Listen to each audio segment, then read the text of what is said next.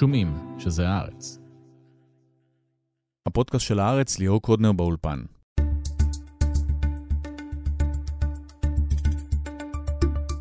בתקופה הקרובה נהיה פה כמה פעמים בכל שבוע, עם עדכונים והרחבות בעקבות המתקפה על ישראל. הפעם עמוס הראל יהיה פה מיד עם ההיערכויות למלחמה, איתו ננסה להבין את עומק המחדל ואיך האנשים האלה יכולים עכשיו להוביל אותנו קדימה.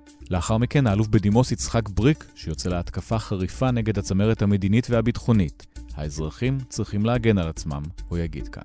ולסיום הזירה הפוליטית, לראש הממשלה בנימין נתניהו כבר אי אפשר לצפות לשום דבר, אבל עם נועה שפיגל וחיים לוינסון נברר האם משהו מעבר להישרדות אישית בכלל מעניין אותו. נשאל גם מה צפוי להיות כאן בחודשים הקרובים ובשנים שלאחר המחדל.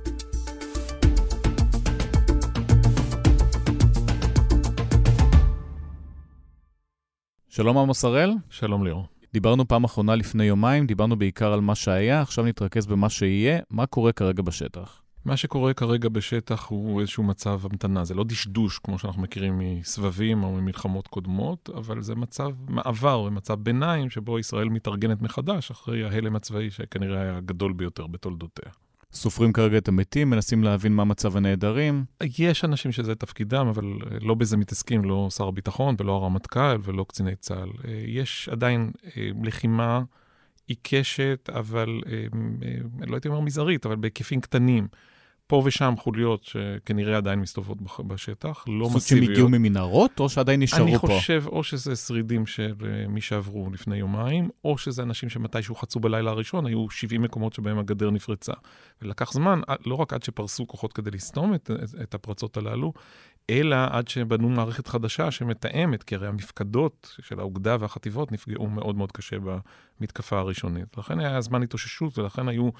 אה, עוד עדיין דיווחים על אה, ירי בכביש של העוטף, בכביש אורים רעים שהייתי בו אתמול. עדיין ראית שם פעילות ועצבנות, ואחת לשעה בערך קפץ משהו וראית כוחות יוצאים ומזנקים ומנסים לטפל. אז החלק הזה, אני מקווה שיתחילו לייצב אותו עכשיו. אה, אנחנו צריכים מאוד לשים עין על מה שקורה בצפון. זה אה, חיכוך הרבה יותר גבוה ממה שהתרגלנו בעבר. חיזבאללה, אולי ארגונים פלסטינים. טוב, כבר יש הרוגים מהצד של חיזבאללה. יש הרוגים בוודאי, והרוגים גם בצידנו. דווח על אה, סמח"ט, החטיבה המערבית, שנהרג בהיתקלות עם חוליה, כנראה של חיזבאללה. יש אחת לכמה שעות, או רקטות, או מל"ט, או איזה ניסיון להחדיר חוליה. אלה סוג של, מצד אחד זה פרובוקציות, מצד שני כנראה שחיזבאללה בודק את השטח, והם מסתכלים לראות מה אנחנו נעשה בעזה. וזה יקרין, וצריך להבין, לא, שלא תהיה פה טעות, ישראל תוקפת בעזה בהיקפים ובעוצמה שלא ראינו אף פעם בעבר, אה, עם מה שנקרא כללי נזק אגבי, זו מילה בעייתית, אנחנו בעצם מדברים על נזק מסיבי ביותר, שכולל פגיעה קשה מאוד באזרחים ובתשתיות. אם קודם התחבטת, אם יש עמדה של חמאס או משרד בראש מגדל, ועשית הקש בגג ונתת למשפחות לצאת, אלה דברים שישראל לא עושה בימים האחרונים, וזה עוד יחריף, יהיו תמונות קשות ביותר מעזה. כל מה שקורה עכשיו הוא ניסיון לפגוע ביכולות צבאיות של חמאס, אבל צריך להודות שחלק האנשים, המפקדים, המנהיגים, בוודאי נמצאים עמוק בבונקרים והמנהרות מתחת לאדמה. במקביל, יש איזשהו ניסיון להכין את האפשרות למהלך קרקעי. אני חושב שסביר מאוד להניח שישראל תנקוט מהלך קרקעי בעזה, אני לא יודע אם זה כיבוש הרצועה או מהלך קצת יותר סמלי, אבל בישראל ברור לחלוטין שתהיה פה אה, גביית מחיר אחרת. זה לא דומה, ואנחנו ותיקים של סבבים ומבצעים ודברים שקראנו להם בטעות מלחמות. הדבר הכי אינטנסיבי שאנחנו זוכרים בשנותינו כעיתונאים, כפעולה צבאית, זה נגיד אה, לבנון השנייה ב-2006, ובמידה פחותה צוק איתן ב-2014. לא מדובר בכלל על אותם היקפים, זה הולך להיות אה, משהו אחר, וזה בא מתוך גישה שבאמת אה, יש פה פגיעה עצומה, ב, ב, לא רק בעוצמה ולא רק בהקרנת הכוח, בכוחה האמיתי של ישראל כפי שהוא נתפס באזור, אחרי באמת, אה, אה, שוב, האירוע הביטחוני החמור בתולדותינו, ושיהיה צורך לעשות אה, משהו אחר לחלוטין כדי לשנות את המשוואה הזאת. השאלה היא גם עד כמה אתה הולך חזק, זאת אומרת, שלילת יכולות צבאיות של חמאס, זה ברור שזאת מטרה ושזה ייעשה כמעט בכל האמצעים. יש שאלה נוספת, האם אתה מנסה להפיל את שלטון חמאס, האם אתה מנסה להשתלט על הרצועה, ואלה דברים שאנחנו יודעים שראשית המחירים בצד השני, אבל גם בצידנו עשויים להיות גבוהים מאוד. ושנית, יכולות להיות uh, השלכות uh, מדיניות ואחרות ארוכות טווח. אבל לפחות השפה שאני שומע במטכ"ל, במשרד הביטחון, היא שפה אחרת, נחרצת, היא לא לגמרי פוליטית.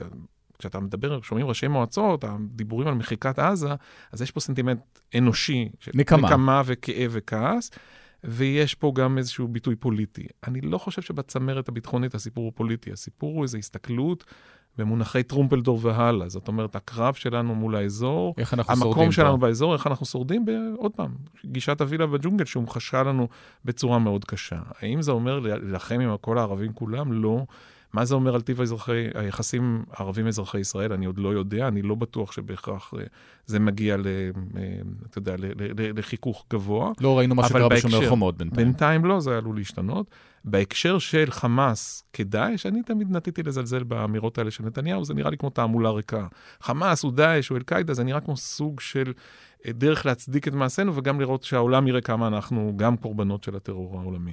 חמאס יתנהג כמו דאעש, שלא תהיה פה שום טעות, ויש פה ניסיון של הצד השני לשקר בעניין הזה, וניסיון שלנו כתקשורת קצת להגן על, ה, על נפשו של הציבור הישראלי. אנחנו לא מקרינים את הסרטונים האלה. אנחנו לא רוצים לראות את הזוועות. דברים שמתחילים לצאת החוצה על מעשי הזוועה שנעשו, הם מצמררים. לא צריך לעשות את ההשוואות לשואה או לפוגרומים מסיבה אחרת, לא בשאלה של נאצים או לא נאצים בצד השני, אלא בשאלה שלנו. צה"ל הוא עדיין, עם כל המכה הנוראית והמחדל האיום בתולדותינו הצבאיות, שהתרחש פה, יש עדיין צבא חזק שמצויד ב-F-35 ובצוללות, ויש איזה שמועות על אה, כל מיני יכולות אחרות שאני, שלא יופעלו. שכל מיני אנשים ממציאים, אה, ממליצים כבר לזרוק. אז, אז חס וחלילה, אבל יש פה צבא חזק שחטף את מכת חייו, אבל הוא מתחיל להתאושש, ויש פה כוחות מושקעים, ויש פה כוחות אדירים בחברה הישראלית בתוך הסיפור הזה, ובאמת, בהשוואה...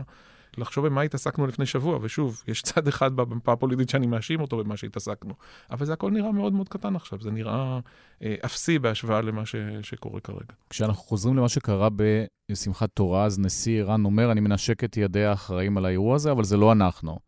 אפשר להאמין בו? אנחנו כן צריכים להבין שזה רק חמאס ארגן את זה עצמאית ועכשיו חיזבאללה מנסה להבין מה קורה?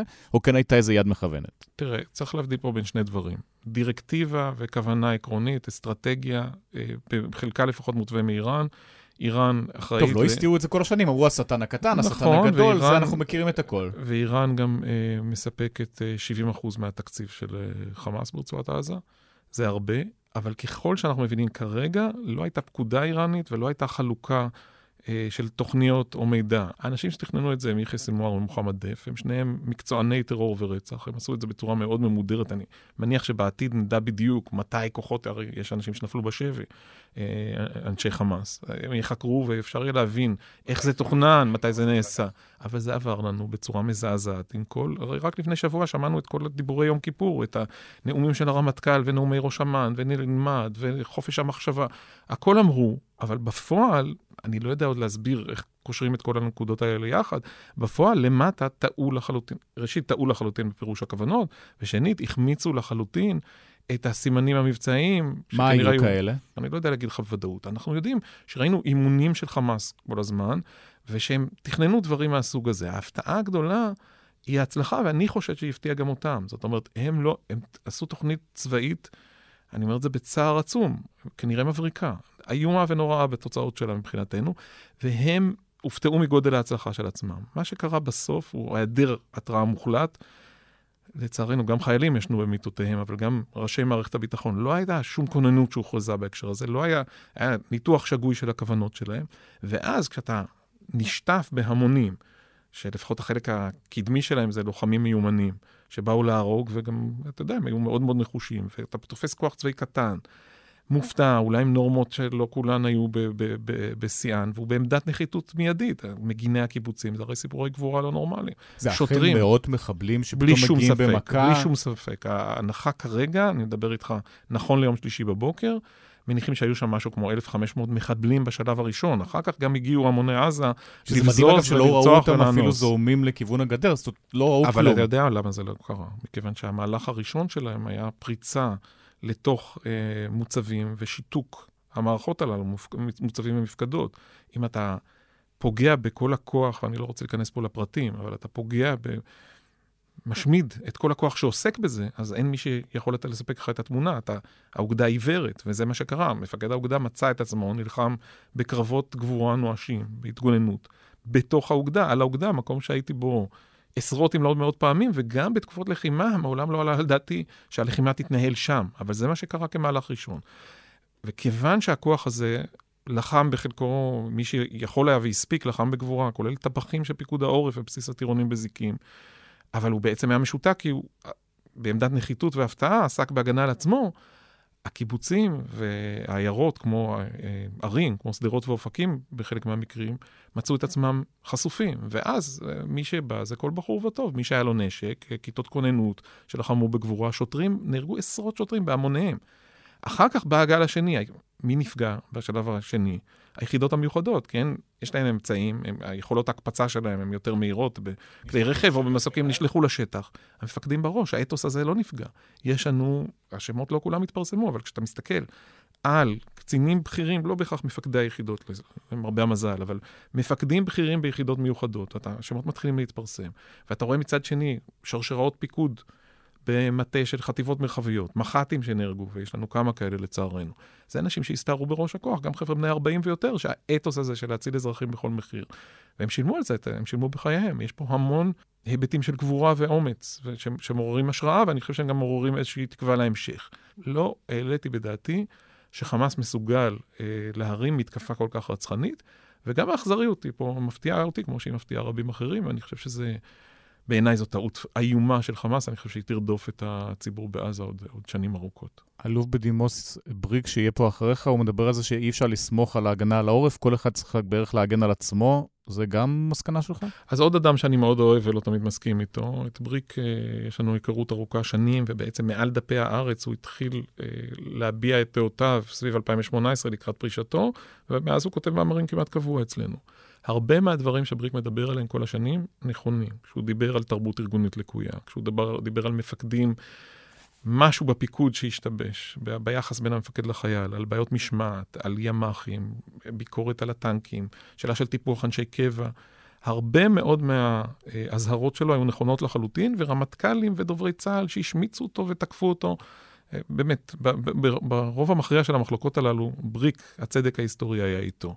האם מזה צריך לגזור שכל מה שיצחק אומר עכשיו, אה, בהכרח הוא התוכנית הפעולה הנכונה? אני לא יודע, אני גם לא חושב, אני חושב שהמדינה אכזבה בגדול. לצד הביקורת שיש על צה"ל והשב"כ, והיא מוצדקת לחלוטין, צריך לדבר על האפסות והעליבות שמפגינה פה הממשלה. איפה השרים האלה? ושוב, אתה לוקח אותי למחוזות של לוינסון, אבל כמה פעמים, אה, כל החבורה הזאת שצייצה, עוד לא ראיתי אותה מבקרת פצועים בבתי חולים, היא לא מסתובבת שם, מי שמסתובב שם זה אחים לנשק, מותר להמליץ על אה, כתבה בעיתון אחר. אה, אחי ורעי אבי יששכרוף יצא אתמול בצהריים לעזור לחלץ אנשים משדרות. הוא עשה את זה במסגרת ארגון שנקרא אחים לנשק. זה הסיפור. גלית דיסטל עוד לא ראיתי אותה שם תחת אש, וגם לא את מירי רגב וגם לא את המשרד שלה. השרה ששמענו אותה אומרת לדרוס. על, על המאבטחי שב"כ לפני שבועיים. כל הזעם הזה, על העוול הנורא בתולדות ההיסטוריה שעשו לבנימין נתניהו, והרדיפה הגרועה מהפוגרומים, איפה הקולות האלה בהשוואה למה שקורה עכשיו לתושבי העוטף? בוודאי שיש ספינים חדשים. ושוב, זה לא מקל לרגע, אבל אני אוסיף עוד מילה, האנשים האלה, רק התחלתי לדבר איתם, חלקם עוד תחת אש ונלחמים בגבורה. הם מתייסרים, וזה ילווה אותם לכל ימי חייהם, השגיאה והטעות. זה אתה אומר לקצינים שמדברים על הטעות שהם עשו ועל אתה הטעויות. לא, אתה ואני לא הדור של 73, אבא שלי לחם ב-73. החוויה המעצבת שלי, ואני, סליחה, אני מדבר על עצמי היום יותר מדי, אבל זה חלק מההלם כנראה הכללי, הייתה 2006, כתיבת ספר עם אבי על המלחמה, הימים של המלחמה, התסכול הנוראי. ב-2006 היו משהו כמו 125 חיילים הרוגים. אלה המספרים של השמות שאותרו וזוהו של חיילים בלבד, מתוך האירוע הזה. ואני זוכר, אחרי שנה פגישה עם קצין בכיר, עמדנו באיזה אירוע ואמרתי לו, תגיד, אתה חושב עוד על המלחמה? הוא אמר, אין יום שאני לא מתגלח מול הראי וחושב מה היינו יכולים לעשות אחרת. זה היה על 164 או 165 הרוגים בזה. אנחנו מדברים על, על אסון, על משפחות שנרצחו, על, על משהו אחר לחלוטין. אבל אני, עם כל מה שאמרתי, אני מקווה שזה לא איזה הטיה פסיכולוגית, מכל מה שאני מזהה ביממה האחרונה, אני רואה גילויים של אומץ וגבורה ונחישות, אני רואה התעשתות, אני רואה נכונות להשקיע. הקצינים מצליחים לנהל עכשיו מלחמה, רמטכ"ל, שר הביטחון. זה היה קשה מאוד ביום, יומיים הראשונים, הייתה אווירה של הלם. אה, היו אנשים שלקח להם יותר זמן לצאת מההלם, היו קשיים תפקודיים לגיטימיים, מפקדה שכמעט ונכבשה, אוגדה שמצאה את עצמה, אלוף פיקוד שהורה להפציץ את האוגדה שלו במטוסים. מדויק, לא... אבל זה מה שעשו כדי להציל חיים של אנשים. אה, ולוקח זמן להתאושש בנסיבות האלה. אני חושב שאנחנו מתחילים לראות התאוששות, ומאוד מאוד מרשים לראות, גם בהסתובבות הקצרה של כמה שעות, אבל גם אתמול, לאורך הכבישים של העוטף, אתה רואה את אנשי המילואים, והם מגיעים בהמוניהם, ואני אני, אני לא זיהיתי יצר נקם, אני זיהיתי רצון לעזור, לסייע, להציל. אני חושב שיבוא גם יום של חשבון פוליטי. הסנטימנט שאתה שומע, ויכול להיות שאלה את מי אתה בוחר לדבר, עם, עם מי אתה בוחר לדבר. יכול להיות שיש אנשים שרוצים רק למחוק שכונות. אבל סנטימנט שחוזר בקרב מילואימניקים, זה גומרים את זה והולכים לעשות סדר מול הכנסת. לא אלים, אבל uh, מה שהיה הוא כבר לא יהיה גם במישור הזה. השאלה כמה זמן תימשך המלחמה וכמה זמן ייקח לפתור לא לפתור, אבל לשפר, לצאת מהמלכוד הביטחוני שיצאנו ממנו. שאלת הזמן, אנחנו הולכים עכשיו לחודשים של מלחמה? אני חושד שכן, אני לא יודע באיזה עצימות. אני מקווה אישית שזה לא כולל את הזירה הצפונית מעבר להתגרויות ולתקריות הגבול. אני לא בטוח, מצד אחד מניח שתמונות הרצח וההרג עוררו איזה תיאבון אצל חיזבאללה. מצד שני, אני חושב שהמהלכים הישראלים עכשיו, העובדה שכבר יש אוגדות שפרוסות בצפון ויש כוחות, כבר אי אפשר להפתיע, אני מקווה, כמו שהופתענו קודם. אני מניח שזה יגרום לחיזבאללה אה, לחשוב, והדבר הכי חשוב שקרה פה הוא ההצהרה של הנשיא ביידן. אותו ביידן ששמענו פה שרים, שיקלי וסמוטריץ', מזלזלים. מי צריך אותו? דמנטי? מי צריך אותם? כן, גם מי צריך את הטייסות? הרי ביבי צוטט לפני חודשיים אצל עמית סגל, שיותר חשוב מדינת ישראל מעוד שתיים, שלוש טייסות. איפה היינו, איפה היינו בלי הטייסות האלה עכשיו? שחלק גדול מטייסיהן במילואים היו אנשים של המחאה. ביידן המושמץ הוא הידיד הטוב ביותר שקם לישראל. והאמירה הזאת של נושאת מטוסים מגיעה, וחימוש שמגיע, אני מניח שיהיו רכבות אוויריות, ומטוסים אמריקאים שיגיעו, היא אמירה מאוד משמעותית, אבל ההצהרות הן מדברות על יותר מזה. תקרא את הנוסח של ההצהרות שמתחילות לצאת מסנטקום, מפיקוד המרכז האמריקאי, הן מדברות על אפשרות זה עולה כאופציה, אני, אין לי פה את הציטוט המדויק, אבל של תקיפות משותפות. הם לא הביאו אותם בגלל חמאס, הביאו אותם כדי להרתיע את חיזבאללה ואיראן. ואני חושב שאם נסראללה באמת, אתה יודע, יכול להיות שמשהו עלה שם לראש, הוא בדרך כלל מנתח די זהיר של המערכה הישראלית, הוא קורא אותנו כל בוקר, הוא קורא כל מה שהוא יכול, והוא מבין, אה, הוא נחשב למישהו שמבין את ישראל לא רע.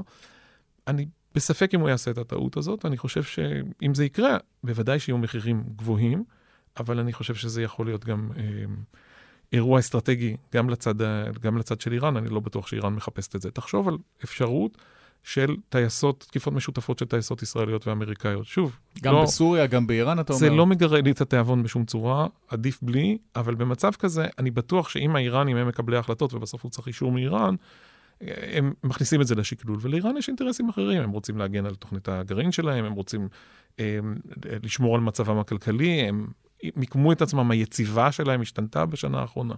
הם, יכול להיות, שוב, אני לא יכול להיכנס, ראינו כמה אנחנו כושלים בלנתח את הצד השני, אבל יכול להיות שגם מישהו בצד האיראני אומר, היי, טוב, ניסינו מספיק, הרגנו המון יהודים, בואו נחשוב עכשיו איך אה, מצמצמים נזקים לפני שזה יוצא מכלל שליטה. אני לא חושב שזה יכול להיעצר עכשיו.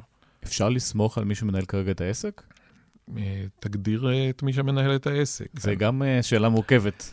שוב, אני לא הייתי נכנס לזה בשנייה הזאת, אני חושב שההיסטוריה תבוא חשבון עם אה, ראש ממשלה שהוא בעיניי הגרוע בתולדות ישראל. שמעתי את אמנון אברמוביץ', גיבור מלחמת יום הכיפורים, אומר אתמול שהוא אה, נאלץ לבקש סליחה מעצמו כשהוא אומר את זה, אבל גולדה ודיין היו טובים לאין ארוך.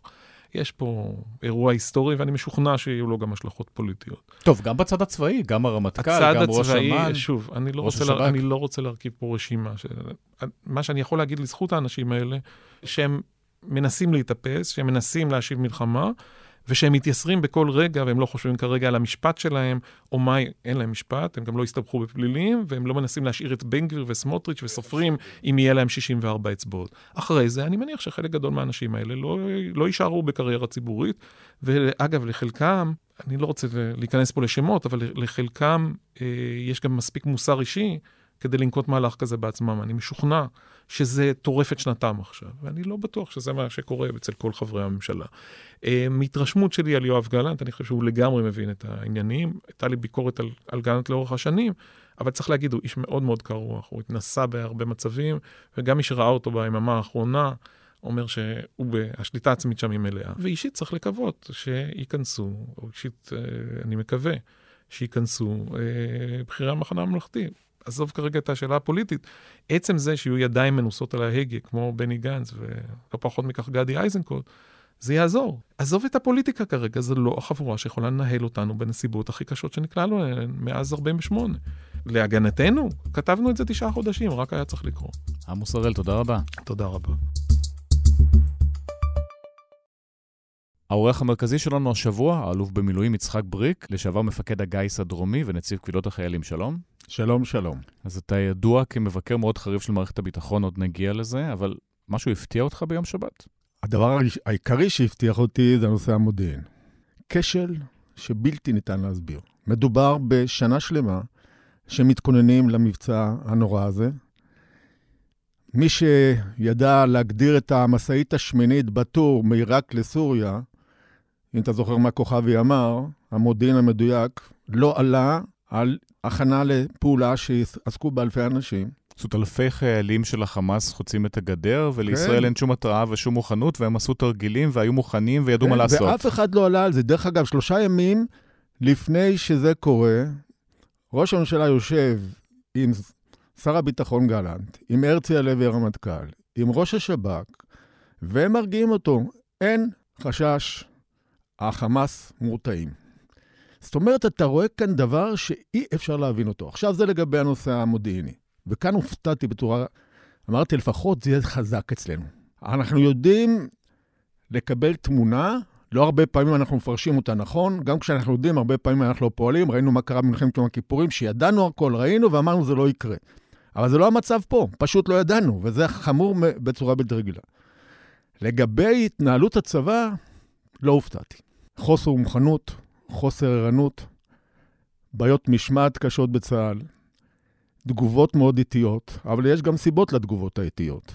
הצבא קיצץ את עצמו בצורה דרסטית בשנים האחרונות, את צבא היבשה שלו. היום כשהוא צריך להתעמת במספר זירות, הוא בבעיה מאוד קשה. צבא קטן, חלקו לא כשיר, אז כשאתה מתעסק עם יהודה ושומרון, רק עם זה זה בסדר.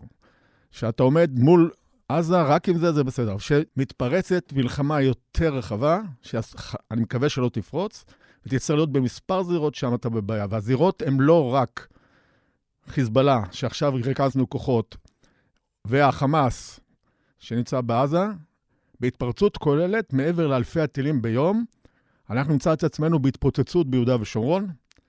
מדובר פה על עשרות אלפי אנשי תזים שהצטרפו וטרוריסטים שירוצו לתוך היישובים שלנו. צריך שמה יכולת להגן על היישובים. זאת הסיבה שגם אמרתי שצריך לצייד אותם בנשק, לא כיתת כוננות, אלא פלוגת כוננות בכל יישוב, ולהגן על עצמם, כי הצבא לא יהיה בשבילם. תהיה התפרצות אדירה בתוך מדינת ישראל של עשרות אלפי ערבים, קיצוניים, בדואים, הרבה יותר חמור ממה שקרה בשומר החומות. ואנחנו היינו צריכים כבר להיות עם משמר לאומי שיגן על התושבים ברחובות, ואפשר להקים אותו, יש מספיק מתנדבים, אבל אנחנו תקועים, שום דבר לא מתקדם, ועוד ועוד ועוד. זאת אומרת שאנחנו בעניין הזה לא מוכנים, ויש עוד הרבה מה לעשות, בראייה שזה בסופו של דבר יוביל למלחמה אזורית, ששם הוא האיום הגדול ביותר למדינת ישראל מאז קום המדינה. אז עוד נחזור למה שקרה בשמחת תורה, אבל אני רוצה לקחת אותך קדימה. עכשיו הממשלה מדברת על כיבוש עזה, מלחמה אזורית אולי מול חמאס. זה ממשלה בכלל שיכולה לצאת למלחמה? תשמע, אה, מנסים עכשיו להתארגן, להקים ממשלה אחדות לאומית. אני עדיין לא רואה שזה קורה, אני מקווה שזה יקרה. זה חייב לקרות. אבל מתחת ביקורת גם על הדרג המדיני, שהוא עוד uh, בגרסאות הקודמות לא יודע לקבל החלטות, לא מחובר לצבא, פה זה נראה עוד יותר נורא. אין ספק. היום uh, ממשלת ישראל איבדה שליטה במרחב. אני חושב שכל הפוקוס שלה לא היה לכיוון הנכון. לפני שבועיים כתבתי מאמר בהארץ, שקראתי לביבי כראש הממשלה לעזוב מיד את כל המשפטיזציה, שבעקבות זה תיפסק המחאה, הסרבנות, וללכת על דגל של הביטחון, כי אנחנו באיום קיומי, במידה ותפתח מלחמה אזורית. ולחבר את כל כולם לתוך ההכנות לעניין הזה. לא הקשיב לך. לא הקשיב לי, והנה זה קרה. ועכשיו מגייסים את הצבא, ואני שמח לפחות לומר שני דברים. אחד, ההתגייסות היא מצוינת.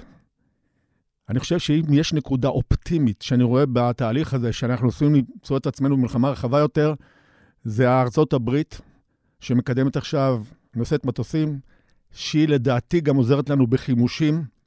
תראה, בשביל לעמוד במלחמה כזאת, אתה צריך מיליארדי דולרים רק החימוש של המטוסים, הפצצות.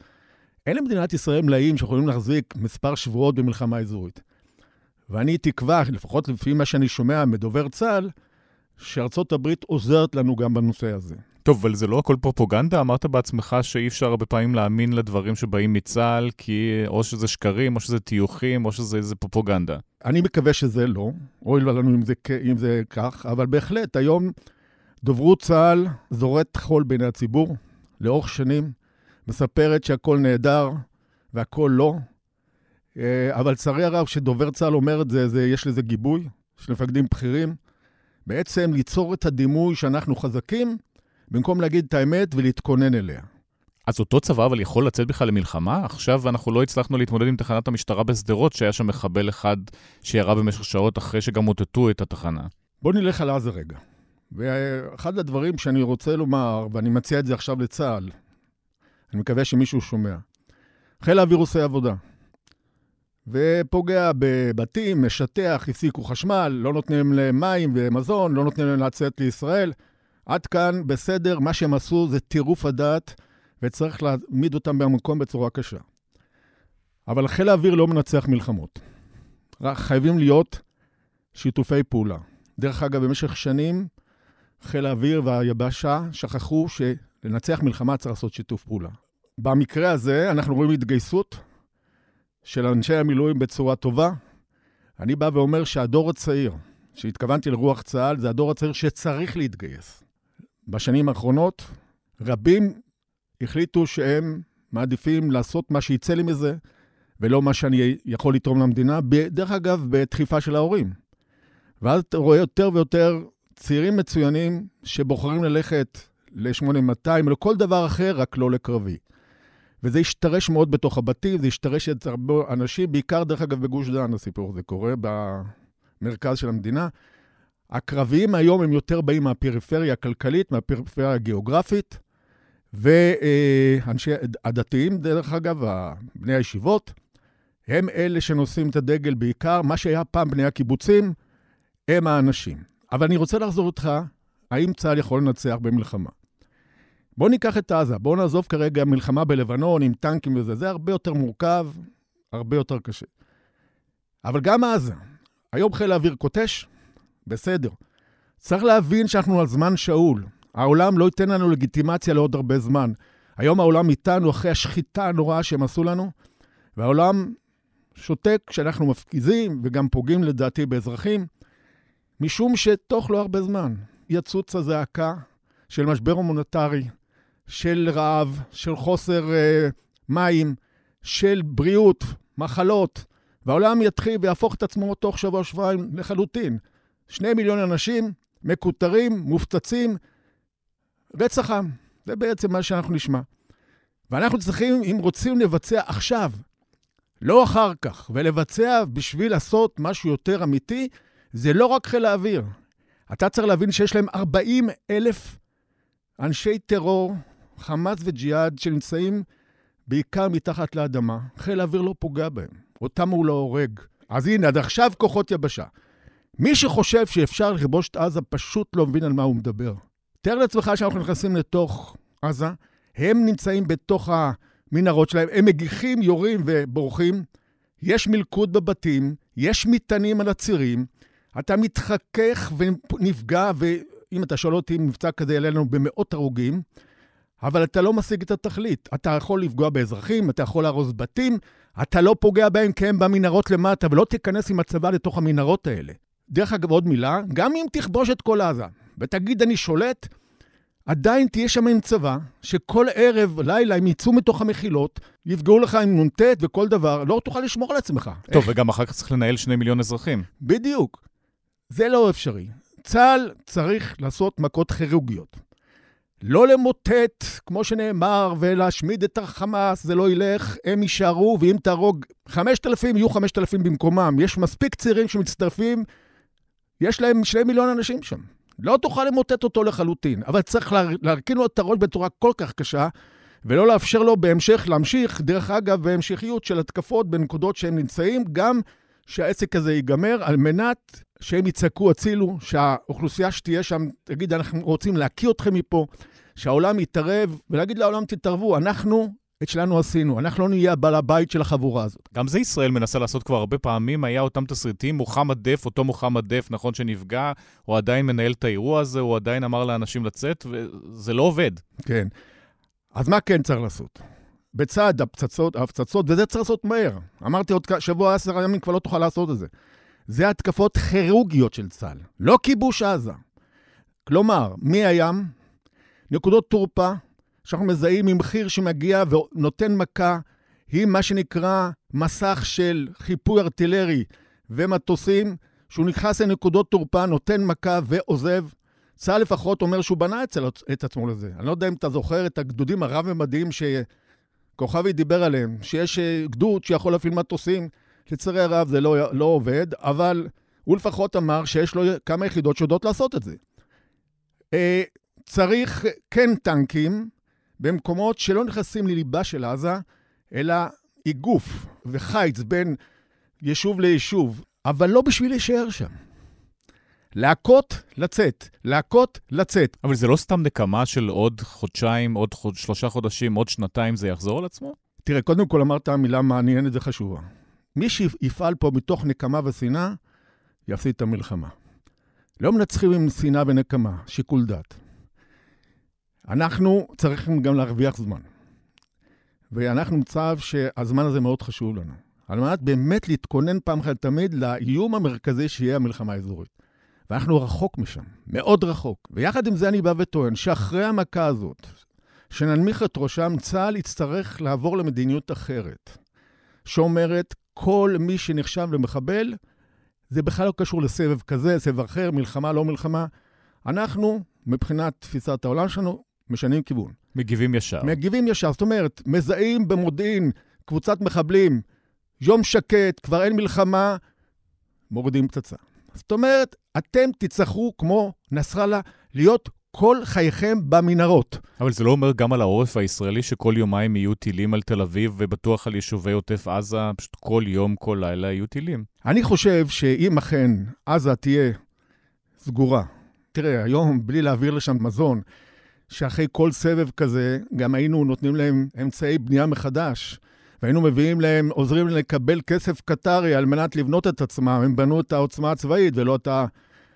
אם את זה מפסיקים, אם מפסיקים את היכולת שלהם לעבוד, זה יוצר מצב של טראומה נוראית בתוך המערכת שם. אין להם חשמל. כל מי שמוציא את הראש נפגע. אני לא חושב שלאורך זמן הם, יהיה להם את היכולת להמשיך עם כל ה... כי הם צריכים גם את המלאים שלהם. הם צריכים לבנות את זה, לייצר את זה. אז יביאו את זה במנהרות ממצרים. אז אוקיי. אז זו נקודה נוספת, שיכול להיות שאנחנו צריכים גם למצוא, לתפוס בזמנו ציר פילד... פילדלפי זה נקרא, שבו אנחנו ישבנו, ובעצם חסמנו את התהליך הזה. צריך לחשוב איך עושים את זה, אם אפשר לעשות את זה. צריך לבדוק עם המצרים איך לשתף פעולה בעניין הזה, זה דברים לא פשוטים, אבל אם אנחנו נסגור אותם והם לא יצאו לעבודה, והם לא יקבלו מאיתנו כבר חומרי בנייה, וגם מזון וכו'. יצעקו, ואנחנו נגיד לעולם, חבר'ה, אחרי השחיטה הנוראה הזאת, דאעש, לא פחות מדאעש, רוצחים בשביל לרצוח, אנחנו סגרנו, אנחנו לא הבעל הבית שלהם. מצרים, אתם רוצים? קחו אותם. העולם, אתה רוצה? קח אותם. אתם לא יכולים לדרוש מאיתנו שהמפלצות האלה, נוכל להמשיך להזין אותם ולתת להם לצאת לעבודה, ובחסות כל מה שרצינו להיטיב איתם, לפתח בזמנו תעשייה, ליצור נמל, וכל מה שדיברנו בזמנו, זה חיות שכל תפקידם ורצונו זה להשמיד אותנו. אנחנו פוס, לא משחקים את המשחק של פעם, זה הסיפור. מה עם השבויים הישראלים? וואו, חייבים להחזיר אותם. זה אפשרי בכלל? שבויים, חטופים, מאות אנשים? הייתי משלם 100... מחיר מאוד יקר בשביל להחזיר אותם. אי אפשר להשאיר אותם שם. זה טראומה לאומית. ו... גם אם נשלם במחיר יקר מאוד, של להחזיר את כולם, אני בא ואומר שאחרי שהם יחזרו, דינם יהיה דינם של כל מי שנמצא בתוך המנהרות, וכל אחד שיצוץ החוצה, להשמיד אותו. זאת אומרת, הם ידעו, אמנם שוחררתם, אבל דמכם בראשכם, נגיע אליכם. ההנהגה הישראלית אבל יכולה לבצע בכלל את העסקה הזאת? עם גלעד שליט היה מאוד קשה, נתניהו אז ביצע את זה, אבל זה היה חייל אחד, ופה אנחנו מדברים באמת על יותר מ-100 איש, אולי שחרור כל הפלסטינאים שנמצאים בבתי הכלא בישראל, אולי אפילו יותר מזה? תראה, הדרישות יהיו עצומות. לדעתי מדינת ישראל נמצאת במצב שנקלעה אליו, היא אחראית אליו. היא גם אחראית להחזיר את השבויים שלה. זה בכלל בלתי נתפס שמאה ומשהו, כמה, 130, 150, מהטובים של בנינו, ילדים, תינוקות, צעירים, מבוגרים, דימנטים, מי לא שם, נמצאים בידיים של הרוצחים האלה. אם מדינת ישראל לא תעשה הכל בשביל להחזיר אותם, זה ייכנס לדיראון עולם. בוא נחזור למה שקרה ביום שבת. אני חושב שאחד רגעי השבר זה שבאמת אנשים ישבו בתוך הבית, בתוך המב"ד, מחבלים נכנסו, לא היה מי שיגן עליהם, האנשים הרגישו שהם מופקרים לגמרי, דיברת על זה בעבר, גם עכשיו זה פשוט חלחל. יש דרך לשחרר את התחושה הזאת, להתמודד עם זה בכלל? זה מאוד קשה, כי מה שקרה, אני חושב שזה קשור לזכיחות, יהירות. אנחנו שומעים היום בערוצי הטלוויזיה הגדולים, לאורך זמן, שיושבים אנשים, מספרים לעם ישראל, שאנחנו הכי חזקים במזרח התיכון. הצבא הכי חזק במזרח התיכון. הצבא הכי חזק, בו בזמן שאני מציג, וכשאני מציג את הבעיות של צה"ל, זה לא מה רק בריק אומר, על מאות התחקירים שעשיתי כשהייתי נציב, כולל, אני מצרף לדוח שלי את כל ביקורות המאוד קשות של מבקר המדינה, מבקר מערכת הביטחון, מבקר הצבא, שהכל מתלכד ביחד לברוך ענק, ובכל זאת, כשאתה מציג את זה למי שצריך, היום כבר מקשיבים, אבל אני מתכוון בתקופה של גדי איזנקוט וגלנט וכל החבורה הזאת, הם, במקום לטפל בבעיות, מספרים לעם ישראל שהכל נהדר. עכשיו, מי שמייצג אותם בתקשורת זה כל מיני אלופים זכוכים, מילואיניקים, יש אחד כוכב שנמצא היום בערוץ 12 אה, וכל יום הוא מופיע, ואני לא אגיד מי, שעד עכשיו, לפני יומיים, הוא עוד אמר שזה אנחנו הצבא הכי חזק במזרח התיכון.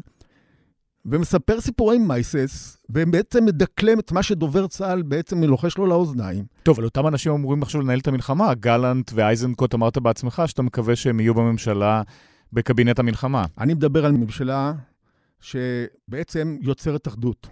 אחדות לאומית. קודם כל, אנחנו הולכים עכשיו ביחד, עזבנו את כל הסרבנויות, ולכן עזבנו אותן, המחאות יפסיקו, אין יותר משפטיזציה, ואם כן, זה לא בדרך שהם ניסו להעביר. אנחנו כגוף אחד, זה, זה, זה הערך הכי גדול. מי יישב שם בקבינט ואיך יעשו את זה?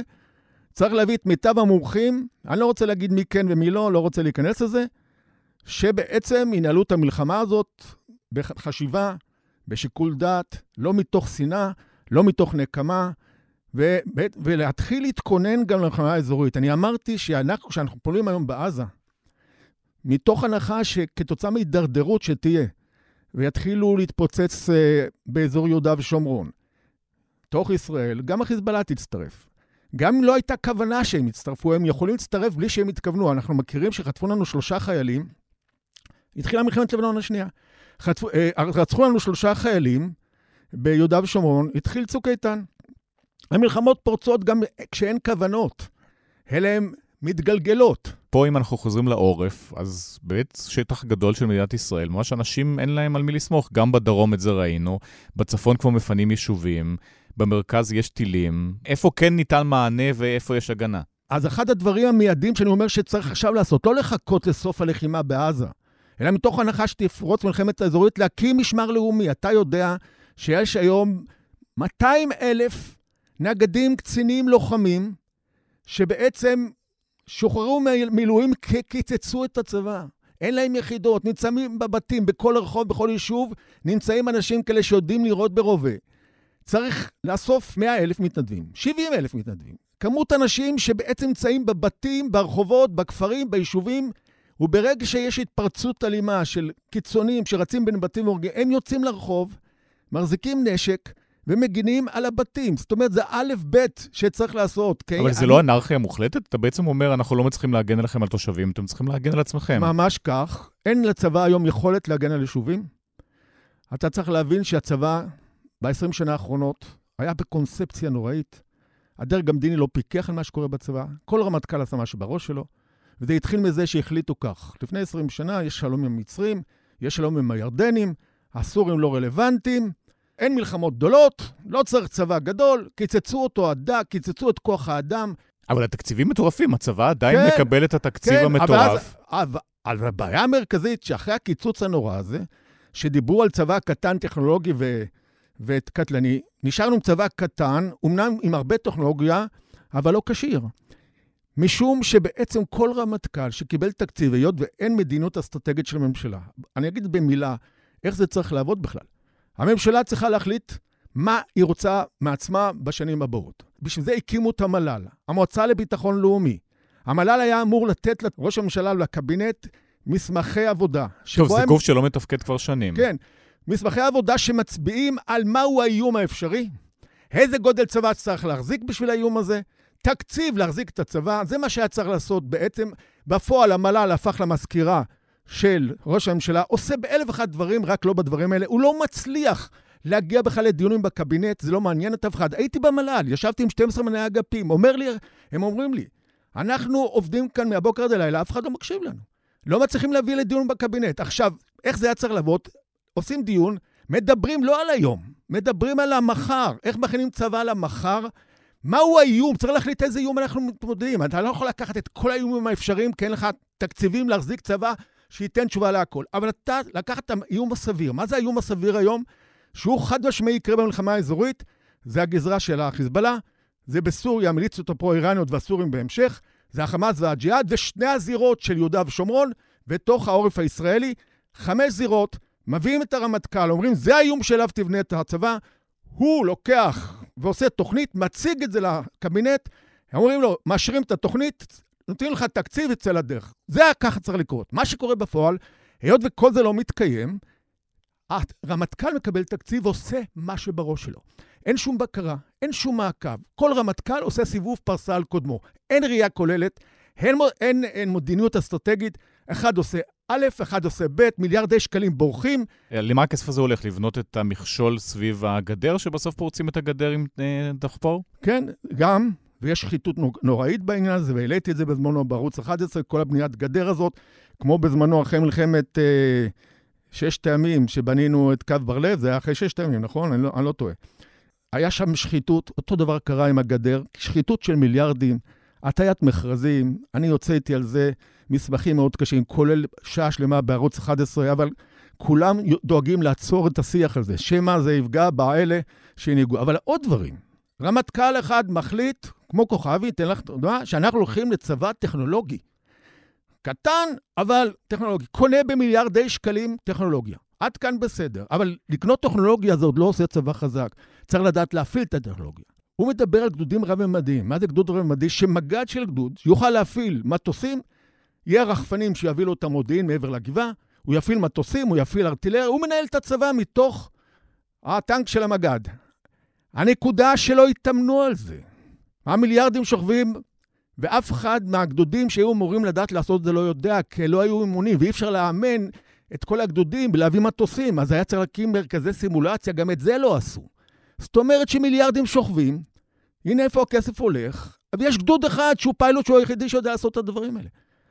זאת אומרת, עכשיו זה רמטכ"ל אחד, רמטכ"ל אחר, אחר, קודם, הלך לכיוון אחר לגמרי. אין שום רצף, אין שום התקדמות בראייה אחת גדולה שהממשלה מפקחת, מבקרת. מה שקורה בוועדת חוץ וביטחון זה פארסה אחת גדולה, אני קורא לזה בית הלורדים, שכל מה שהם עושים, הם שומעים מצגות של הצבא, הרבה מאוד מצגות פיקטיביות, שלא אומרות את האמת, כי הצבא רוצה דימוי חיובי והוא נזהר בכל מקרה ועניין שהביקורת לא תגיע לשם. שלא יהיו הדלפות גם. שלא גם לא יהיו הדלפות.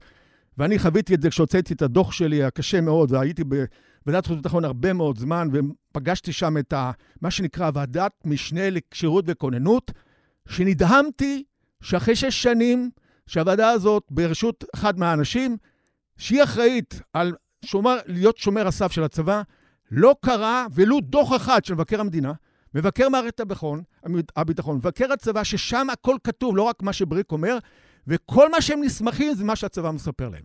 ומה הצבא מספר להם? שהכל טוב. הדימוי. האינטרס של האישי גובר לעיתים על האינטרס הלאומי. אז לפי התיאור שלך שום דבר לא עובד, אז אם צריך להצביע אבל על השם, מי אשם בזה? קודם כל, יש הרבה אשמים. ראשי ממשלות. אני חושב שגם ביבי, בתקופתו, שהוא היה הרבה מאוד שנים, 12 שנה לראש הממשלה. 15.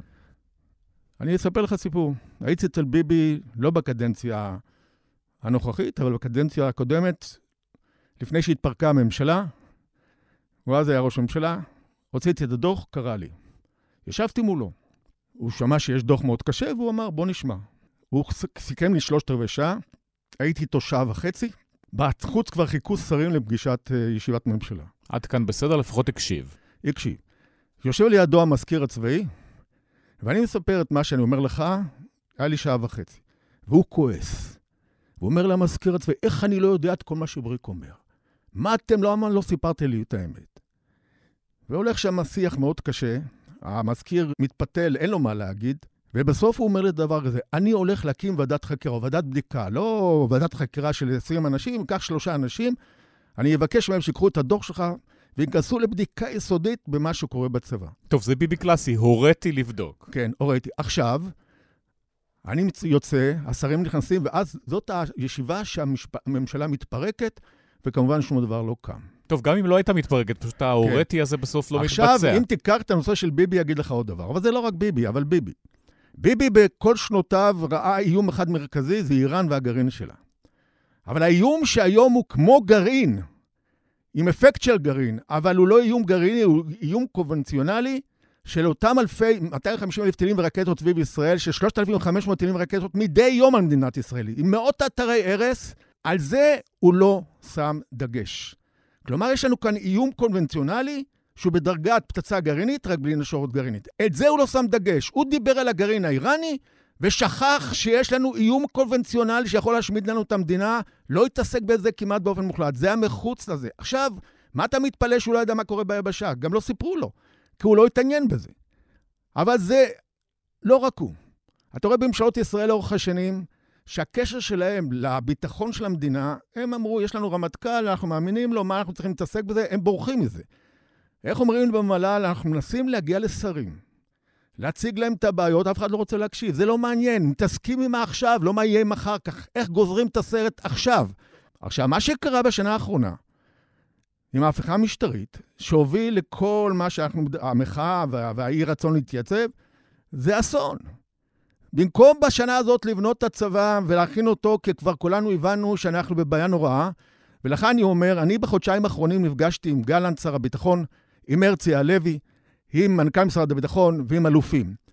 אני הקמתי חמישה צוותי מומחים בחמישה תחומים. אחד זה תחום התפיסת ביטחון, השני זה נושא העורף, השלישי זה היבשה, הרביעי זה הנושא של הטילים והרקטות, והחמישי זה תרבות הארגונית הקלוקלת של צה"ל. פרופסור גנור מאוניברסיטת אה, רייכמן, שהיום הנשיא שלה, אימץ את הפרויקט הזה. חמישה צוותים הטובים בעולם בכל תחום, ישבנו, הטובים בארץ, ישבנו שנה, הוצאנו דוח של 80 עמודים, של, עם המלצות, מסקנות ופתרונות. הדוח הזה הוצג לכל מקבלי ההחלטות של מדינת ישראל, כולל בנט שהיה ראש הממשלה, למל"ל, יושבי ראש ועדת חוץ וביטחון, לרמטכ"לים ולשרי הביטחון. הם אימצו את הדוח, הם קיבלו אותו, הם החליטו על עבודות מטה, גם בצבא, גם משרד הביטחון, חיבקו אותנו, הדוח אצלם, ואמרו, מתחילים לעבוד. אבל כשאתה מסתכל האם באמת נעשית עבודה, התשובה, לא. למה? משום שכולם עוסקים בעכשיו, בהישרדות. יש כאן בעיה שקח רמטכ"ל, איך הוא יכל בכלל לפנות את זמנו אם הוא היה צריך להסתובב לדבר עם אלה שלא רוצים להתגייס? הוא במשך חודשים הוא הלך לעשות שיחות. הוא לא התפנה לדברים האלה. טוב, אני יכול להבין אותו, זה גם היה איום הצבא מתפרק. כן, כן, נכון. זאת אומרת שבגלל הבלגן שנוצר פה, בגלל החלטות המשפטיזציה האלה, נוצר מצב של כאוס שלא אפשר לקחת את מה שצריך, שכבר אין ויכוח היום עם הצבא ביני לצבא. כולם מסכימים עם מה שאני אומר. יש כאלה שחושבים שהצבא מתווכח איתי. הסכים שר הביטחון, האלופים, הרמטכ"ל, מנכ"ל משרד הביטחון, אימצו את הדוח שלי ושל כל ראשי הצוותים. אין ויכוח עם הצבא, רק איך מממשים את זה. הביצוע זה הבעיה, הביצוע זה הבעיה, כן. אז אם אנחנו מסתכלים שלושה חודשים קדימה, עכשיו תהיה מלחמה, אולי עם עזה, אולי גם עם הצפון, אולי אתה אומר מלחמה פנימית בתוך ישראל, אנחנו עוברים את זה. מה הלאה? הלאה, קודם כל, צריך להיות שהמדינה הזאת מתחברת לה יחדיו. אפשר להתווכח, אפשר גם לריב, אבל צריך להיות יחד. הקיטוב שבעם, השנאה היוקדת בין ימנים לשמאלנים, בין ערבים ליהודים, לא מאפשרת לייצר כלום שיכול להחזיק את הביטחון של המדינה. דרך אגב, זה גם פוגע בכלכלה, זה גם פוגע בביטחון, זה גם פוגע ברפואה. היום הצעירים, מי שיש לו כסף, בורח מפה. טוב, כי הפוליטיקאים עבדו בזה במשך שנים. נכון. אני, לצערי הרב, יש לנו פוליטיקאים שהדבר האחרון שמעניין אותם זה המדינה, זה אינטרסים, זה כיסאות, מה רואים עכשיו, איך אני אצא טוב, עכשיו, לא מחר, לא מתעסקים בטווח הארוך, כי אני לא אהיה שם.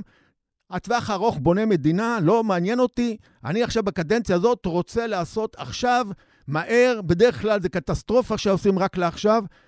זה הפוליטיקאים שלנו. אם אתה שואל אותי, צריך גם לשנות את שיטת הממשל.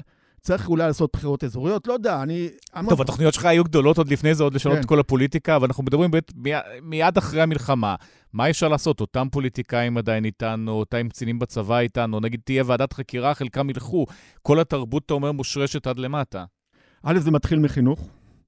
אני, אם אתה שואל אותי, זה מתחיל מהחינוך. זה לא באים לצבא ופתאום הכל מסתדר, לא מתבגרים והכל מסתדר. יש לנו בעיות קשות מאוד בחינוך שלנו. בתיכונים שלנו, ביסודי, שאתה יודע שהיום מגיעים צעירים לצבא ואין להם מושג מה זאת מדינת ישראל. איזה מוטיבציה תהיה להילחם עליה? אתה יודע שאני, כשהייתי נציב קלוט חיים ועברתי במוצבים, ישבתי ודיברתי עם חיילים של צה"ל שיושבים על קו הגבול ושאלתי אותם שאלות שאתה לא תאמין שהם לא מכירים. איזה מדינות גובלות מישראל הם לא ידעו? איזה מלחמות עברו ישראל מאז יום העצמאות? אין להם מושג. מי זה בן גוריון? אתה יודע, מתוך 11 אנשי חי"ר מעולים, אחד אומר, אתה מתכוון לשדה התעופה. תקשיב טוב מה שאני אומר לך, בורות מוחלטת. איך אנשים כאלה יהיו מסוגלים להגן על המדינה שלהם, שאין להם שום הבנה מה זאת המדינה הזאת? לא של המורשת, לא של ההיסטוריה, לא של מלחמותיה, לא של מנהיגיה. אז בחינוך צריך לעסוק בזה. אז יש אה, בתים גרעיניים ששם יודעים הילדים, וזה באמת חברה למופת נהדרת. אה, יש אה, היום מכינות צבאיות שגם שם משלימים המון פערים שבתיכון לא עושים, אבל רוב הצעירים לא מביאים את זה. והם מגיעים לצבא בלי שום ידע, ואתה דורש מהם להיות עם מוטיבציה. על מה? על מה שהם לא מכירים? זאת אומרת, אתה צריך להתחיל מהחינוך. לשנות את כל תפיסת החינוך. גם פה זה בעיה, איך עושים את זה בין הדרישה החרדית לבין הדרישה החילונית? אני מסכים איתך, בעיות מאוד כבדות, אבל אם לא נדע להתגבר על זה, אז לא נהיה פה. זה מתחיל מהחינוך, זה אה, מתחיל, ממשיך אחרי זה כשאתה מתגייס לצבא, שהצבא יתעסק בערכים, בנורמות. הצבא היום נותן פקודות, משימות, אין אנשים, בגלל שקיצצו אותם, אז יש פערים, אבל לא מגיע לתכלס, לרוח, לחינוך, למנהיגות. כל זה נשחק. משהו שאתה כן אופטימי לגביו לסיום? קשה להיות פה אופטימי היום. אני רק uh, יכול לומר שאחרי האירוע הזה, אחרי מה שחווינו, והבנו לאן אנחנו יכולים ללכת, זה רק הגרעין הקטן, הקצה הקרחון, אם אכן תתפרץ מלחמה אזורית, אם לא נדע להתעשת, ונביא למנהיגים שהציבור ידרוש אותם, שיסתכלו על טובת המדינה, על ערכיה, על היכולת להתמודד ביחד, גם אם אנחנו לא חלוקים בדעותינו, לא נצא מפה. ואני בזה רוצה להאמין שאחרי המכה הנוראית שעכשיו חווינו, ואחרי המלחמה שתסתיים, אני מקווה בקרוב, נוכל להתגבש ולהבין, רוצים להיות יהודים במדינה הזאת, או רוצים להיעלם מפה. זה באפשרותנו, להפסיק עם האינטרסים האישיים, להיות מלוכדים, לחבר את הגופים, גם אם יש ריבים ויש אה, אה, אי-הסכמות, אבל אנחנו ביחד בחינוך, בשירות, במוטיבציה להגן על המדינה ובפיתוח הכלכלה במדינה. האלוף במילואים יצחק ברק, תודה רבה. תודה גם לך. קשה בימים האלה לדבר על פוליטיקה, בין מלחמה למלחמה, אבל עדיין פוליטיקאים אותם פוליטיקאים ומקבלים החלטות. שלום, אה, נועה שפיגל, חיים לוינסון. שלום. בוקר טוב. אז אנחנו עדיין באותה פוליטיקה קטנה? אנחנו לא עדיין, אנחנו בפוליטיקה קטנה שלנוכח uh, ממדי האסון שמתרחש עלינו, היא, היא עוד באמת בלתי נסבלת. זה, זה לא מצב סביר מה שקורה כרגע. אתה יודע, אני, אני חושבת ש... זה אפילו לא, להגדיר את זה פוליטיקה, זה... המדינה הזאת צריכה מנהיגים כרגע, שאין לה.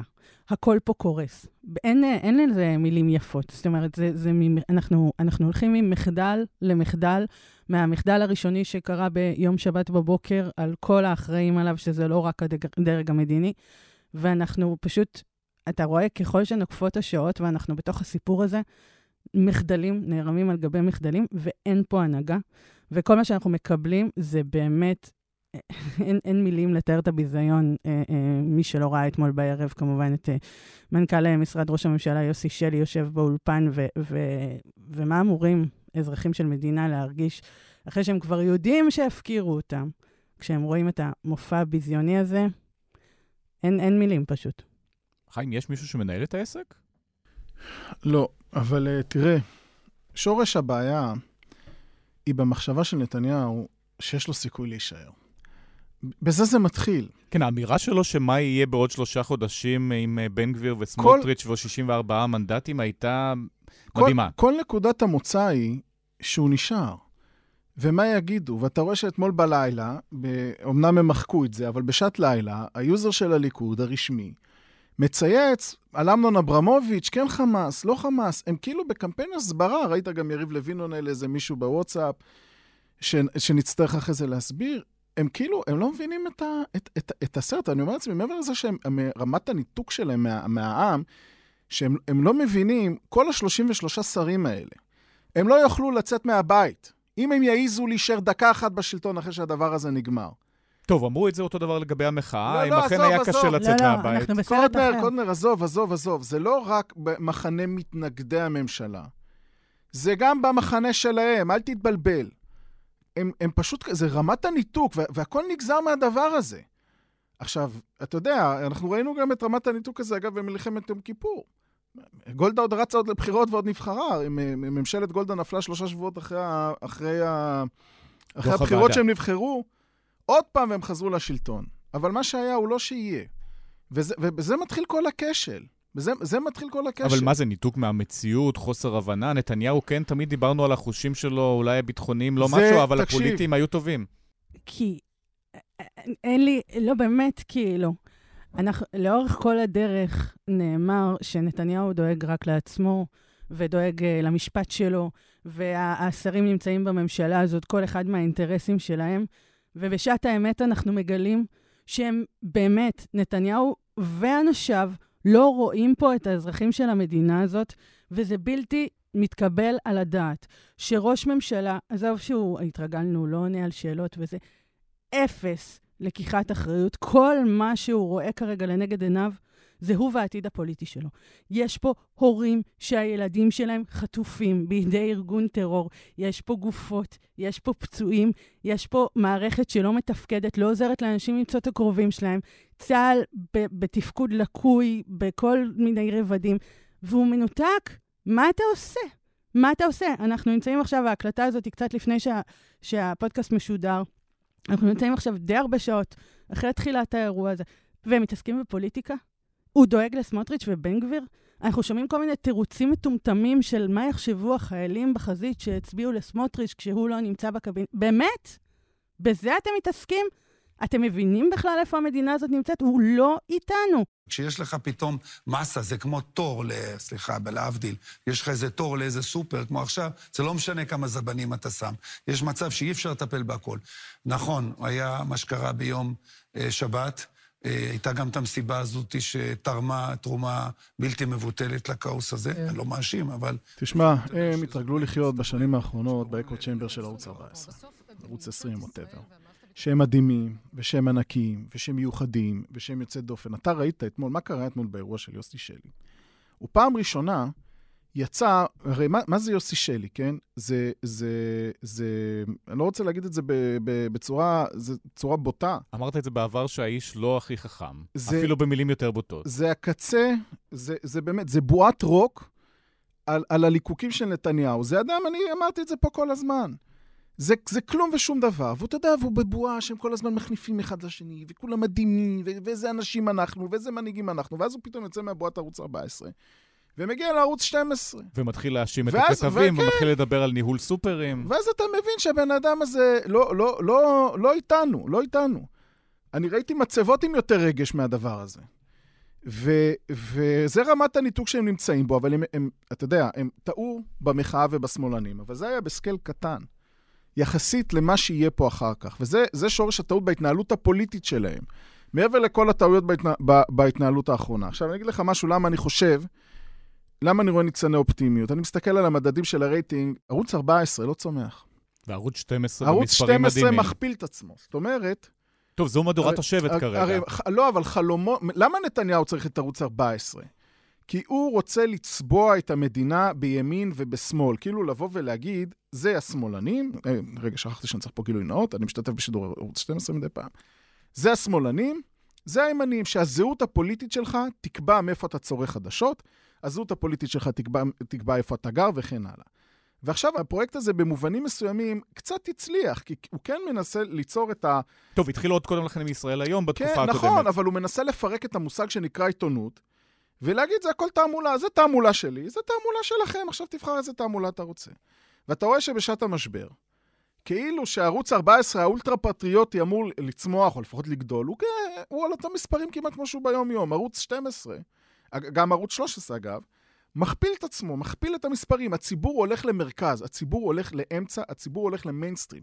הוא לא הולך לתעמולה הביזארית של ריקלין וברדוגו וכל החבורה הזאת. ולכן אני חושב שגם בימין עצמו מבינים שמה שהיה כאן, יש פה שבר שיפרק בוודאי שאת הממשלה הזאת, אבל גם את החברה הישראלית, ואולי יתחיל איזשהו תהליך של התכנסות למרכז. אני אמרתי את זה בעבר, סליחה שאני מצטט את עצמי כל הזמן.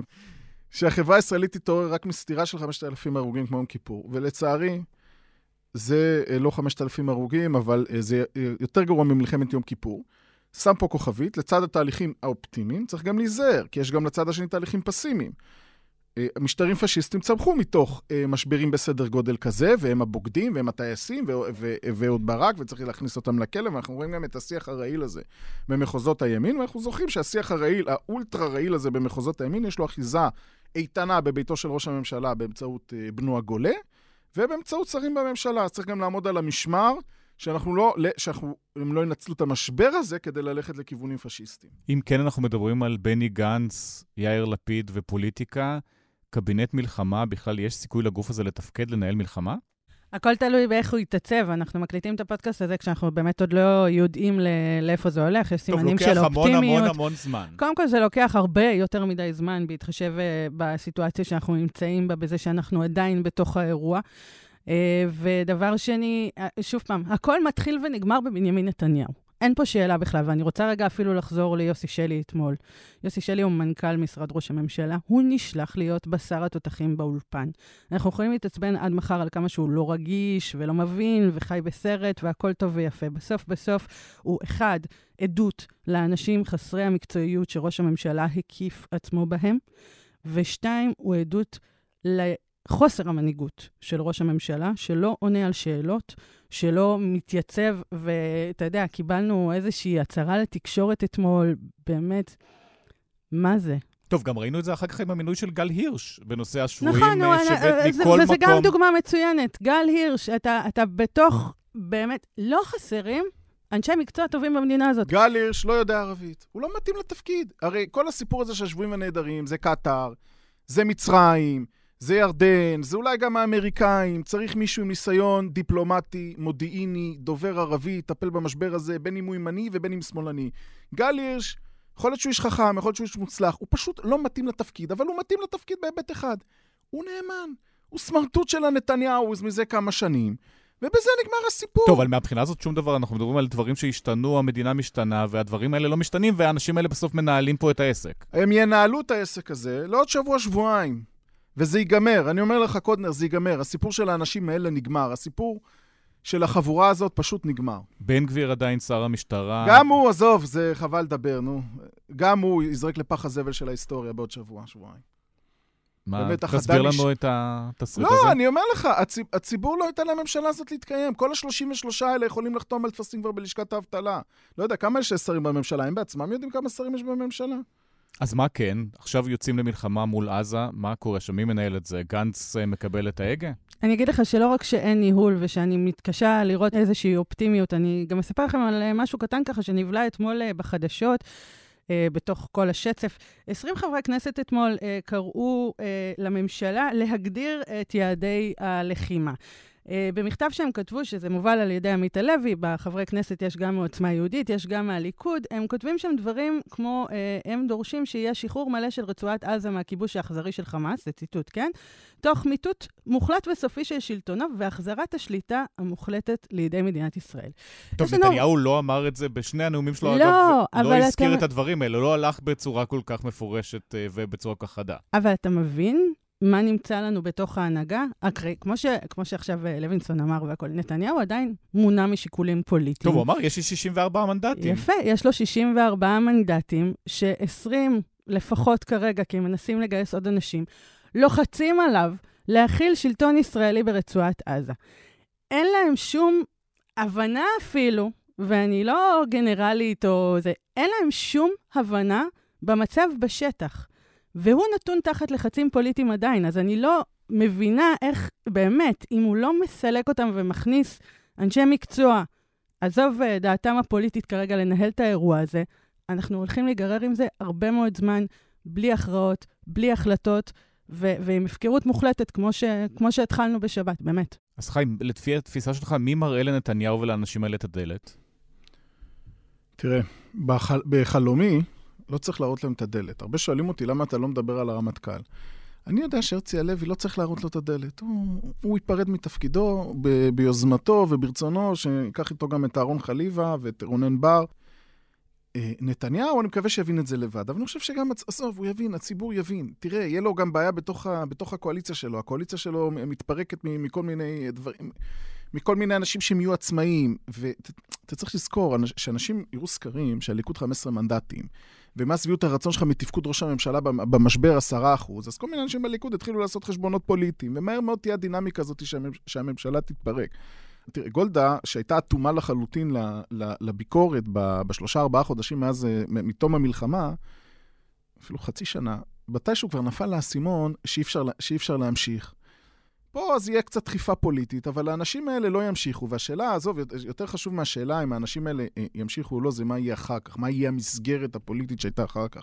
ברור שהמסגרות הפוליטיות הקיימות, שגם ככה המחאה ערערה אותן, בוודאי שהן לא המסגרות הפוליטיות שיהיו אה, אה, אחרי שהמלחמה הזאת תיגמר, וגם המנהיגים הפוליטיים הם לא היו המנהיגים הפוליטיים. מה זה, אחים לנשק יהיו מפלגה מה, או שאפילו באמת לא אי אפשר לדמיין את זה? תראה, את, את, אה, בוא נגיד, בחמישי באוקטובר 73, אתה חשבת שרבין יהיה ראש ממשלה בעוד חצי שנה, הוא כבר היה בדרכו לחיי פנסיה עם שועי עולם בוושינגטון וצבירת עושר. אז אביב כוכבי, אתה אומר. בהרצאות בזמן שהוא שגריר. נראה לא, אותו מגיע. אני לא יודע.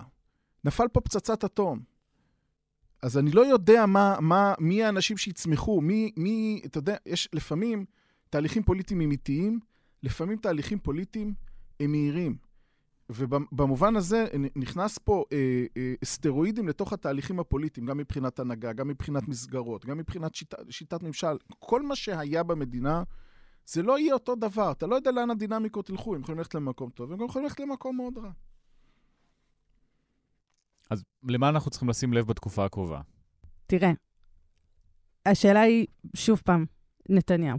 הכל תלוי בו. שים לב שאתמול אה, אה רבית הכט, אה, אתמול, שלשום, העלתה אה, מאמר. היא דיברה עם אחד משרי הליכוד. הוא, הוא אמר לו, הכל כרגיל, הוא, הוא יעבור אמר, את זה. כן, הוא, לא רק שהוא יעבור את זה, הוא, אומר שהוא יצא חזק בסוף, שהוא יצא מנהיג ביטחון. חזק. אה, לוינסון פה מדבר על אה, איזושהי שבירת קונספציה בתוך אה, מפלגת השלטון. ראינו ניצנים שלה, אגב, לפני זה. השאלה אם יהיו, אתה יודע, בתוך, ה, בתוך הבלגן הזה מנהיגים פוליטיים גם שיקומו, כי אני באמת טוב, לא רואה... טוב, גם לאנשים האלה יש אנשים שנהרגו בשמחת תורה, הם שומעים את הרכשים האלה. אין ספק שיש נפגעים כמעט מכל המגזרים. אין ספק שכל אחד מכיר מישהו שאיכשהו מכיר מישהו, אנחנו במספרים שהם עדיין לא סופיים, וזה מגיע לכל מקום, ובוודאי ובוודאי שזה גם מגיע אה, לחברי הכנסת ולחברי הממשלה. הבעיה היא שבאמת...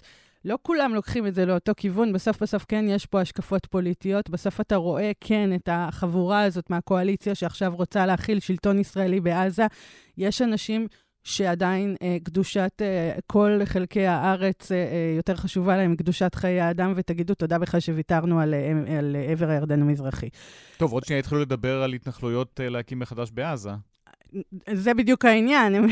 זה, אנחנו נמצאים בסיטואציה בלתי אפשרית, שבה הם מדברים על uh, כיבוש ישראלי של הרצועה, כשעוד לא בטוח ב-100% שהצלחנו לכבוש בחזרה את העוטף. על מה אתם מדברים?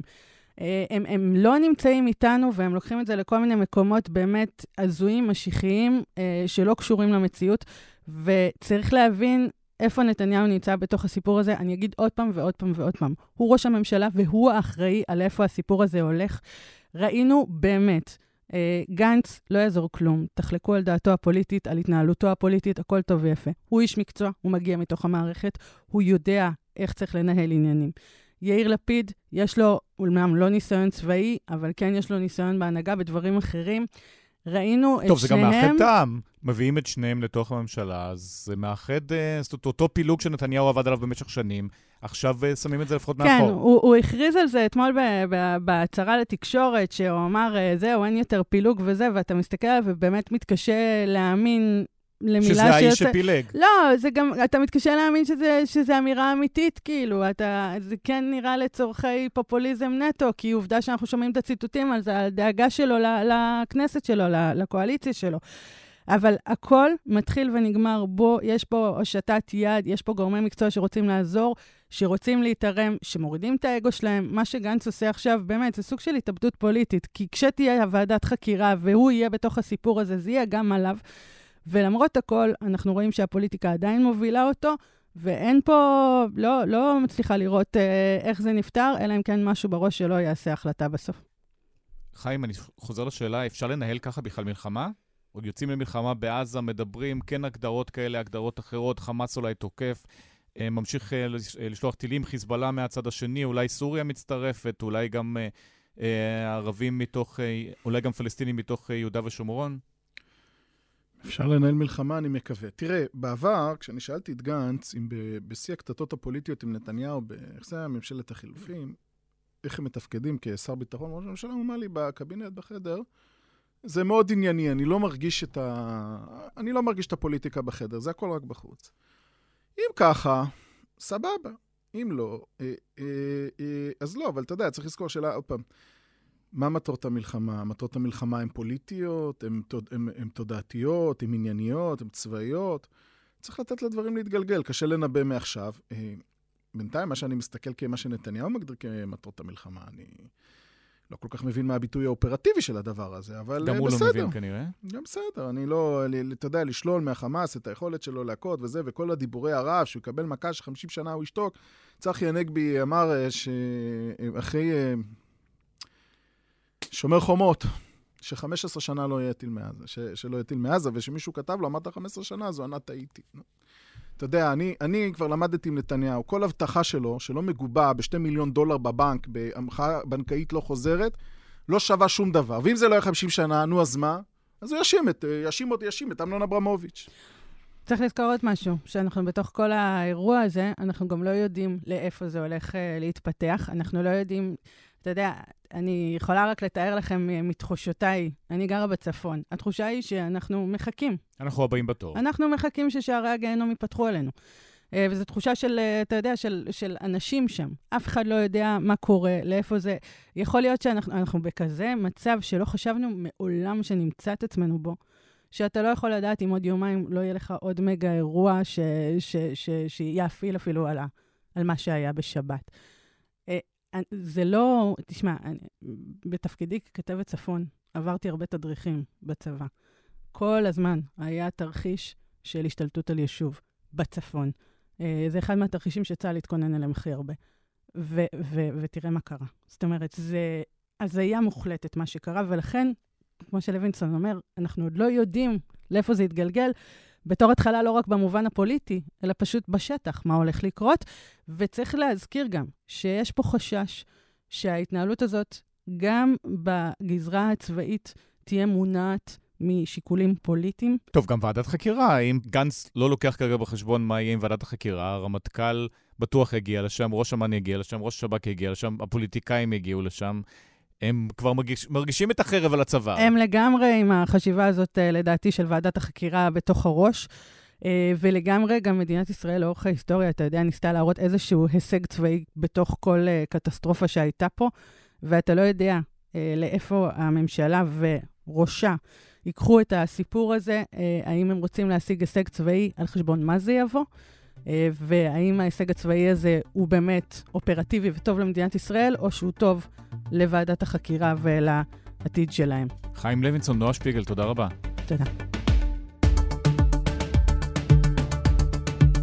עד כאן הפרק הזה של הארץ השבוע, בצוות ניצה ברגמן, אמיר פקטור, אברי רוזנצבי, דן ברומר ואסף פרידמן. אני ליאור קודנר, אנחנו נהיה פה גם ביום חמישי, בינתיים להתראות.